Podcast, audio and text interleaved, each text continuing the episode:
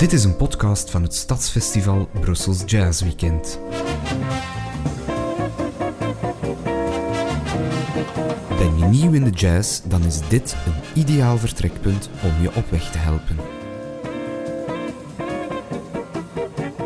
Dag luisteraars, welkom bij een nieuwe aflevering van onze podcast Jazziness. Ondertussen zijn we in de jaren 80 aanbeland. Frederik, waarover of over wie gaan we het vandaag hebben? Over dit.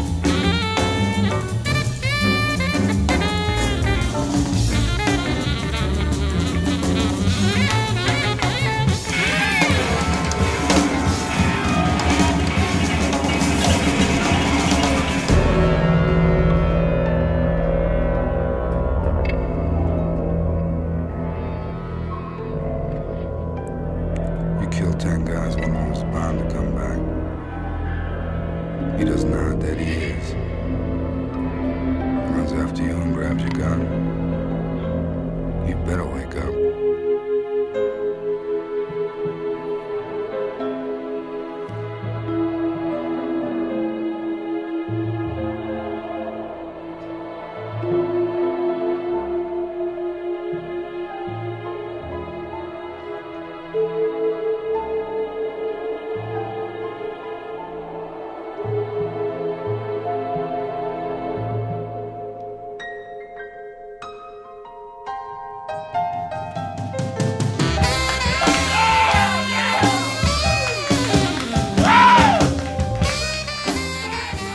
Ben wakker, Frederik. Ja.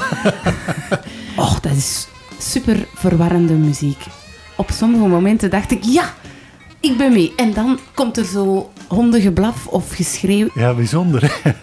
Eh, het, het is muziek van John Zorn. Wie is dat? John Zorn is, is ja, de, de verpersoonlijking van, van eh, New York, min of meer. Hè, de, de hele energie van die stad, maar ook de vele indrukken die je daar opdoet. Hè. Dat is zo'n een stad waar alles eh, passeert. En dat Eh, heeft hij allemaal in dit nummer En gestoken. dat, dat steekt hem min of meer ook in, in die muziek. Dit is een, eh, een album van 1987, het heet Spillane. En Spillane is natuurlijk een eerbetoon aan Mickey Spillane, een, een schrijver van misdaadromans. En het stuk Spillane is min of meer een verklanking van die misdaadromans. Het is heel filmisch, maar tegelijkertijd komt het ook over alsof dat je naar televisie aan het kijken bent. En eh, er zit iemand naast jou en die heeft de afstandsbediening vast. En die zit voortdurend te zappen. Als je dat in wat duurdere termen zou willen uitdrukken, zou je kunnen spreken van dit is postmodern. Dit is muziek van de mix en match, van het, van het eh, citeren, van het combineren van soms heel erg onwaarschijnlijke tegengestelde elementen tot iets heel erg nieuws. Denk aan. eh, postmodernisme in architectuur, hè, dan, dan zie je ook van die gebouwen met, een, met een Grieks fronton en een, en een eh, rond raam alsof het van eh, de Titanic komt. En dan eh, de gevel zelf is bekleed met strepen alsof het de kathedraal van, van Siena is. hè. En dat allemaal in één gebouw. Wel, ook datzelfde idee, maar dan muzikaal, is hier Voilà, dat is dus muziek van citeren, muziek van aanhalingstekens. En waar we tot nu toe de jazzgeschiedenis als een dialectische evolutie hebben gezien. De ene stijl volgt de andere op, maar tegelijkertijd is dat daar een antwoord op. Zitten we nu met een stijl die alles is. Alles kan op gelijk welk moment. En doen veel anderen dat ook? Of is Zorn daar echt een uh, voortrekker? Ja, hij is echt de paus van die hele beweging in New York. Door zijn charisma kan hij heel veel gelijkgestemde muzikanten aan zich binden. En, en het, wordt, het wordt bijna een collectief van, van zoekers. Je moet je ook voorstellen, we zitten in de jaren tachtig. Dat zijn vaak uh, jonge kerels die geboren zijn in de jaren 50, jaren 60, die opgegroeid zijn met die hele cultuur van het vinyl en, en plaatjes en, en de top 30 en, en, en je switcht je radio en je hoort eigenlijk al iets anders. Dus niks stond hen tegen van de ene dag naar Led Zeppelin te luisteren en de andere dag naar Miles Davis. En het is geen wonder dat op de duur allebei die muzieken gaan sijpelen in hetgeen zij zelf gaan brengen. En is wat we net gehoord hebben representatief voor heel zijn uiveren of, of heeft hij ook nog andere dingen gedaan? Wel, zoals die muziek is, is, is ook zijn uiveren heel erg disparatig. Waaiert dat echt naar alle kanten op. Hij is begonnen in de jaren zeventig met uh, wat hij noemde game pieces. Waarbij hij improviserende muzikanten samenbracht uh, en ze allerlei instructies gaf. En die waren duidelijk, maar sommige waren ook heel erg vloe. Hij stond voor de groep met een aantal symbolen, kaarten die hij opstak als een scheidsrechter. Of, of hij gaf een teken. Uh, en dan was het aan de muzikanten om daarop te reageren. Zoals ze het zelf aanvoelden. Of net die instructie te gaan negeren. Ze mochten ook elkaar instructies geven terwijl de uitvoering bezig was. Dus dat was een soort muziek die net zoals een spel, als wij nu straks Monopoly spelen, weten we ook niet waar we uiteindelijk gaan uitkomen of wie er gaat winnen, zich ook evolueert, maar dan in, klanken. Dus zo begon hij. In de jaren tachtig zal hij meer uh, naar dit soort muziek, zoals we daar net gehoord hebben.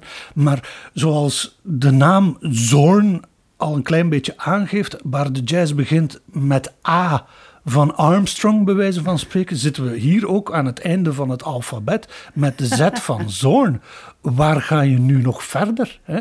Als die muziek al uh, niet meer met de bekende parameters uh, gaat improviseren, namelijk ritme, melodie, harmonie, maar hier met genres gaat improviseren die tegenover elkaar gejongleerd worden. Ja, waar, waar, blijven we dan nog over met jazz? En wie gaat dan nog zeggen wat jazz is of wat nu eens geen jazz is? En het is fantastisch tegengewicht ook. Je hebt die Winter Marsalis en de jazz at the Lincoln Center. Dat langzaamaan meer en meer die traditie, die wortels van de Afro-Amerikaanse muziek die jazz is, eh, in de verf wil zetten en wil bewaren voor de toekomst. Heb je iemand zoals die Zorn, die, die net van die hele traditie zijn speeltuin maakt en, en zegt van, eigenlijk de toekomst is aan ons. En, en wij, wij, zoals de dobbelstenen vallen, zo valt de muziek een klein beetje. Is er nog iets wat we van Zorn beluisteren vandaag? Ja, ik herinner me nog de, de eerste keer dat ik hem live zag, was met een band die heette Naked City. En dat was een op zijn zachtst gezegd belevenis. Ik had nog nooit zoiets intens, zoiets luid, zo'n aanslag op mijn oren en op mijn uh, zintuigen meegemaakt. Het was een, een, band fantastische muzikanten, één voor één, maar ze, ze spuwden muziek alsof het uit een mitraillette kwam. En dat was bij momenten een hele brok om verteren. Zullen we eens luisteren naar Naked City? Ik zet mijn schrap.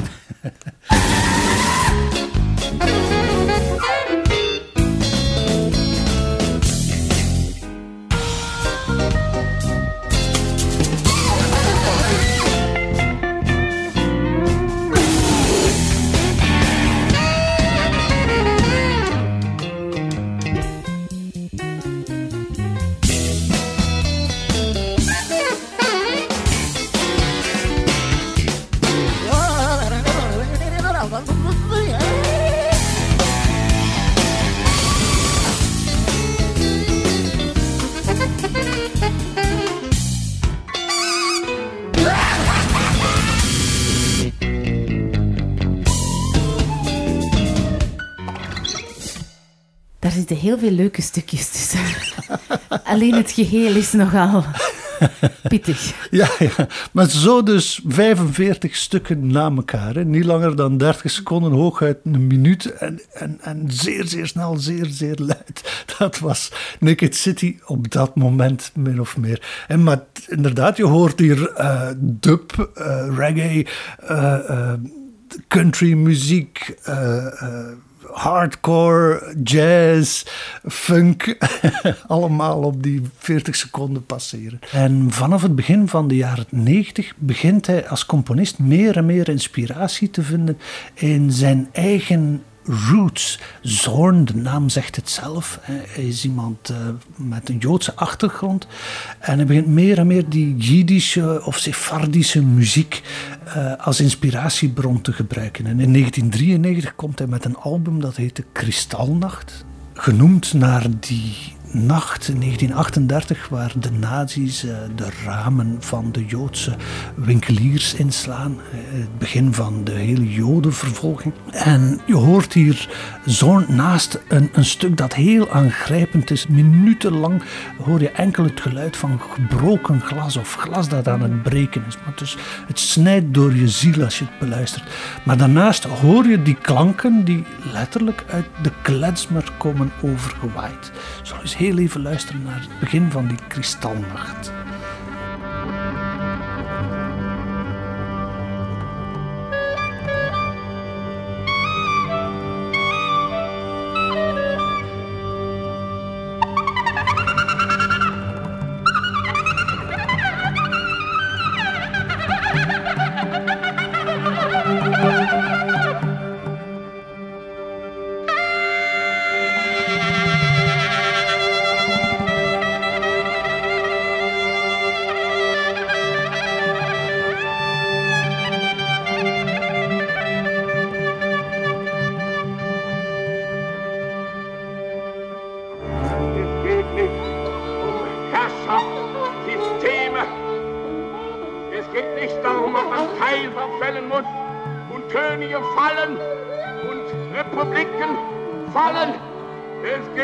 Wirtschaftliche Prinzipien. Es geht um alles das nicht, sondern es geht um den Kampf zweier Welten und, und um die Erkenntnis eines ganz großen Menschen.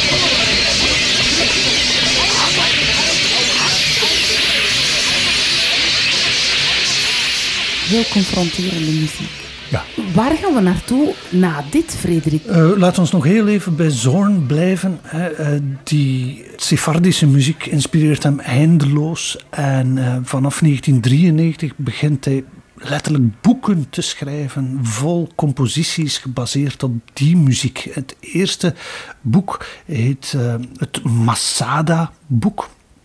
En ik denk op een jaar of drie had hij daar al meer dan 200 composities ingeschreven. En dan was het aan de muzikanten in zijn entourage om dat te gaan uitvoeren.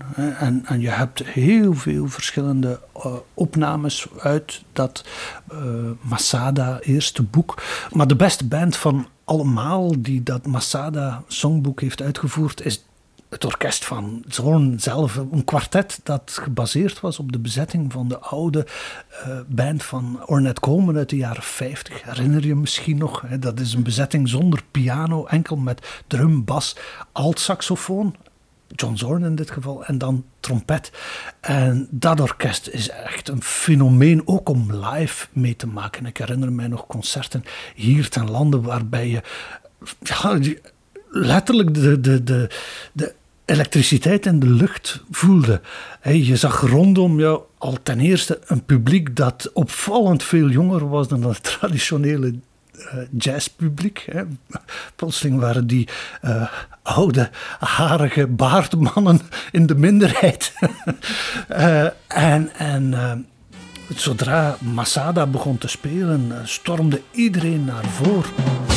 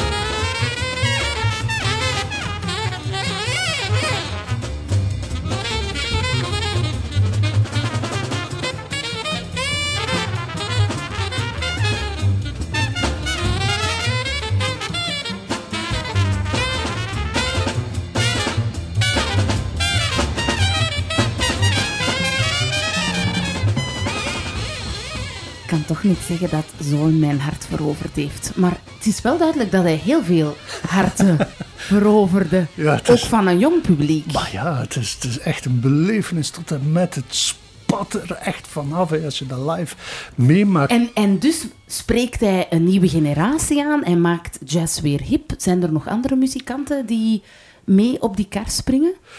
Uh, ja, ja, ja, absoluut. In die orbit van uh, John Zorn kan ik er veel noemen. Laat mij er één uitkiezen. Uh, dat is gitarist Bill Frisell. Bill Frisell, die tot op de dag van vandaag de meest prachtige muziek maakt, is een gitarist die een heel herkenbare sound heeft. Heel eigen sound. Je hoeft hem nog maar één noot te horen spelen en je weet met wie je te maken heeft. En dat is het waarmerk van de echt goede jazzartiest. Die, die heeft zijn eigen stem. Uh, het is ook iemand die geregeld in, in België vertoefde in de jaren tachtig. Dat, dat, dat is eigenlijk iemand wiens carrière min of meer hier op Belgische grond uh, gestart is. Maar hij maakte ook deel uit van die bands van John Zorn in de jaren tachtig. Bijvoorbeeld dat Naked City dat we daarnet gehoord hebben. Uh, dat is met gitarist Bill Frisell erbij. En vanaf de jaren negentig heeft hij ook zijn eigen trio en maakt hij albums zoals het album waar we nu naar gaan luisteren. Dat heet Have a Little Faith. Dat ken je misschien wel. Hè? Het, het nummer van in de versie van John Hyatt. Ja, voilà, het is, het is het nummer van John Hyatt. En het was een van de vele stukjes Americana die op die plaat te horen was. En uh, dat ging heel erg breed. Het was echt een kaleidoscoop van de muzikale geschiedenis van Amerika. Van John Philip Sousa over Sonny Rollins uh, tot Bob Dylan en Madonna. Maar allemaal door de bril van Bill Frisell. Waar gaan we naar luisteren? We zullen een fragment nemen uit die LP uit 1993, Have a Little Faith. Dit is een stuk van Bob Dylan het heet Just Like a Woman.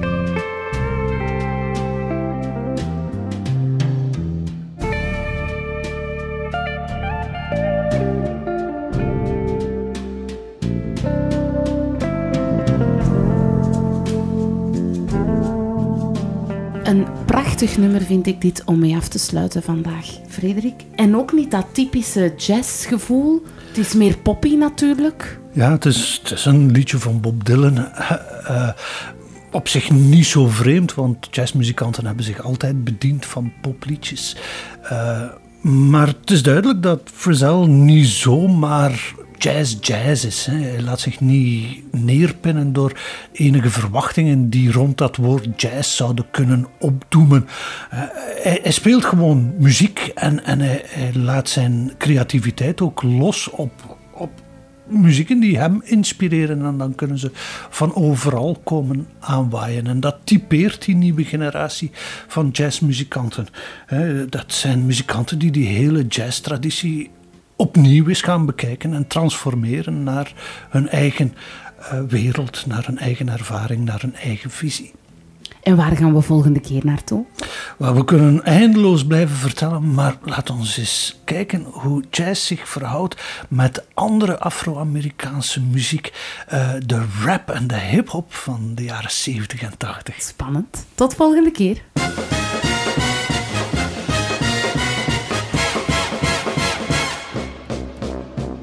Bedankt Ellen Leemans en Frederik Goossens.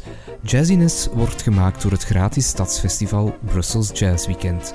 Omwille van de coronacrisis is het festival uitgesteld tot 28, 29 en 30 mei 2021. Abonneer je op de podcast om op de hoogte te worden gehouden wanneer nieuwe afleveringen verschijnen. Vind je dit een interessante podcast? Geef ons dan een goede review, zo worden we makkelijker gevonden door nieuwe luisteraars.